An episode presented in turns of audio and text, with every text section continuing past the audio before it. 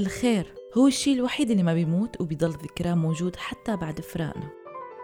أحلى شيء ممكن نعمله بحياتنا بالرغم من الظروف والضغوط اللي بنمر فيها إنه نمد إيد الخير والعون لغيرنا ونمارس إنسانيتنا الموجودة بفطرتنا البشرية. كلنا بنحب نقدم الخير لغيرنا ونشوف ابتسامة من القلب نحن سببها. بس شي مرة خطر لكم إنه ممكن تقدموا شي غالي عليكم أو جزء من جمالكم لحدا محتاجه؟ مو بالشرط شخص بتعرفه أو قريب منك ممكن شخص غريب وما بتعرفه. أنا إسلام رواشدة من الأردن عمري 24 سنة طالبة أدب إنجليزي في جامعة مؤتة سلام قدرت تقدم شي بعمر صغير. خطت خطوة صعبة كتير مو بالسهل أي إنسان يقدر يخطيها. مو بالشرط نكون أحد محاربي السرطان لنكون أبطال فينا نكون أصدقاء وأبطال بنفس الوقت. اسمعوا الحكاية للأخير لا تعرفوا تفاصيل هالحكاية. أنا صديقتي الطفولة كانت من أحد ضحايا مرضى السرطان خالتي برضو صاحبتي بالجامعة من كانت من محاربين مرضى السرطان. كنت أشوفها بحالي ومن أنا صغيرة. كنت على طول داعمة لصاحبتي. ممكن إمكانياتي كطفلة ما كانت تسمح بالدعم المادي اللي بيحدث فرق يعني ما كان في أي دعم مادي ممكن. بس كنت على طول معها على طول ما كنت يعني بالفطرة هيك وبالعفوية. كنت دائما ما ألاقي حالي إلا أنا بهون. ممكن مش بالكلمة بالتصرفات. ما أحسسها بالفرق من لما بلش شعرها كت كنت أتجنب دائما شعري يكون مبين قدامها. ما كان في أي ساعة بتقدر تحكي لي أكون من أصدقاء مرضى السرطان السرطان فهو الموضوع كان يعني الظروف حكمت بإني أكون من أصدقاء مرضى السرطان. إسلام بهديك الفترة ما كانت بتقدر تقدم أكثر من هيك لمحاربي السرطان. من أول ما وعيت حالي كانت صاحبتي صديقة الطفولة مريضة سرطان وبعدها خالتي وبعدها صاحبتي اللي تعرفت عليها بالجامعة. بعدين لقدام صرت أسعى بصراحة لحتى أشارك في مبادرات أي شيء لدعم مرضى السرطان. بس توقفت كل هاي الأمور بسبب كورونا والخوف على صحتهم. فكان يعني الإشي الوحيد اللي أنا بقدر أساعد فيه حتى لو من بعيد كان إنه أقص شعري وأتبرع بالدم. ممكن هاي الأشياء بسيطة بس أنا بتعني لي كثير خصوصا شعري. أنا كثير بحب شعري وبحب الشعر الطويل. فهو كثير غالي علي. يعني أنا يعني زي اللي تبرعت بأغلى ما أملك.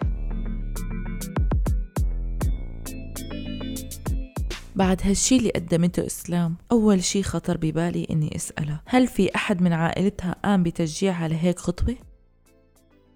ما كان في تشجيع مباشر من أهلي بس كنت لما أعمل أي إشي هم ألاقيهم أول حدا بشجعني وموافقين. حتى صاحبتي وهي صغيرة كنت أشوف التشجيع بشكل غير مباشر منهم. لما أشوفهم هم بدعموا فيها ماديا ومعنويا. آه، أمي كانت على طول يعني تشوفها تزورها. أخوي كان دائما معها في جلساتها وبعد الجلسات يروح يغير لها جو آه، يمكن التشجيع المباشر كان وقتها هو نصيحة أمي لما كنت بدي أروح على صاحبتي إنه انتبهي انتي ما تحسيها في إشي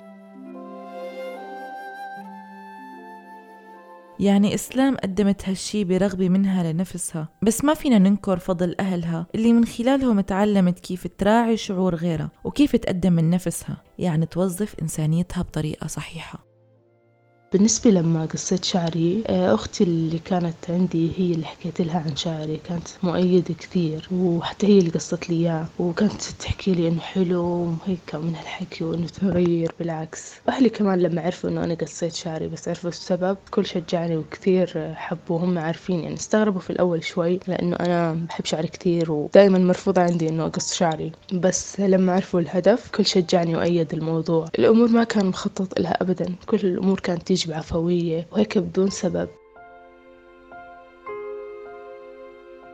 شو اللي خلاكي تتبرعي؟ اللي خلاني أتبرع ما بعرف هو يمكن ما بعرف عاطفتي شوي إحساسي الزايد معهم. كونه أنا يعني ناس كثير بتقرب لي مرت في هذا الموضوع عانت منه صاحبتي بعدين خالتي بعدين صاحبتي عانت منه وكانت يعني من محاربين المرض أحيانا بسمع قصص. بشكل عام بحس إنه ما في إنسان ما بفز قلبه لأي مريض خصوصا مرضى السرطان. وجميع المرضى هيك اللي بيعانوا من أمراض معاناتهم بتكون مستمرة مع المرض. أقل شيء ممكن نعمله ندعمهم ماديا معنويا بأي شكل. حتى الدعم النفسي لا نستهين فيه. الدعم النفسي موازي كثير للدعم المادي حتى بساعد في استجابة المريض للأدوية وللعلاج. كله هذا مهم طبعا. شو هي الشروط اللي اشترطت عليك لتتبرعي بشعرك؟ الشروط عشان نتبرع كانت بالنسبة للشعر أهم شي يكون مربوط وجاف بس حاليا موقفين استلام الشعر عشان كورونا أما بالنسبة للدم لازم تكون خالي من الأمراض ما في فيروس ما تكون ماخذ أدوية من فترة قريبة ما تكون عامل بيرسينج على الأقل من ست شهور عامله بتقصد إسلام إنه ما المفروض يكون في أي شيء مختلط بجسمنا حتى الحلق أو القرط اللي بيكون جديد يعني اللي بنكون حاطينه خلال فترة ست شهور شو كان إحساسك وقت قدمتي شعرك أو لما قصيتي شعرك؟ ممكن عز علي شوي بس زعل؟ مش زعل بس هيك عز علي شعري تألمت حسيت بالألم وأنا بقصة. بس للأمانة الإشي الوحيد اللي كان معز علي إنه أنا عارفة وين رايحة فيه أو الهدف اللي أنا قص شعري إله كثير كنت مبسوطة صراحة وفخورة بحالي كثير خصوصا بعد ما قصيته وهيك. يعني زي ما حكيت لك إنه صح كنت شوي متألمة بس كثير معزيني هذا الموضوع. يعني كثير كنت مبسوطة بشعري اللي أعطيته اللي هو جزء مني وغالي علي. مبسوطة فيه أكثر من اللي راح يستفيد منه وبتمنى إن شاء الله يستفيدوا منه. ولو في إيدي أعطي أكثر من هيك ما راح أقصر أقصر أبدا أبدا أبدا. وعلى طول طول ما أنا في أعمل راح إن شاء الله أعمل. نصيحتي لأي حدا قادر يعمل لو إشي بسيط لو ابتسامة لمريض السرطان أو لمريض ثاني ما يقصر فيها ولا يستنى لحظة. لأنه هاي فرصتك أنت تفرح تسعد نفسك. أنت قبل ما بتسعده أنت بتسعد حالك. فعلا إنه إنه أنت تقدم فهو أنت اللي بتنبسط في الإشي أكثر من اللي أنت مقدم إله.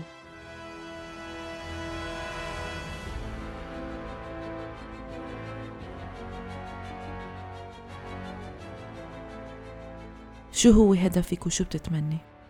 بتمنى يعني من أي حدا بسمعني رح يوصلوا كلامي إنه ما يستهين في الدعم المعنوي. شو ما كان لأنه كثير بخلق شعور حلو عند الإنسان. بغض النظر مريض أو غير مريض بس خصوصا المرضى هم بحاجة هذا الدعم لأنه كله مبني على النفسية. استجابة للعلاج مبني على النفسية. حياتهم بشكل عام مبنية على النفسية. فإنه هذا أهم إشي لأنه أنت بتفرح حالك قبل ما تفرحهم بهذا الموضوع. صح إنه الشعر هو مكمل من مكملات جمال المرأة بس مين قال إنه هو الأساس؟ ابتسامة المرأة وعيونها وروحها وقلبها. كل هدول جمال بحالهم. وتخيلي صديقتي إنه تكوني أنت سبب ابتسامة قلب لأحد أبطال محاربي السرطان.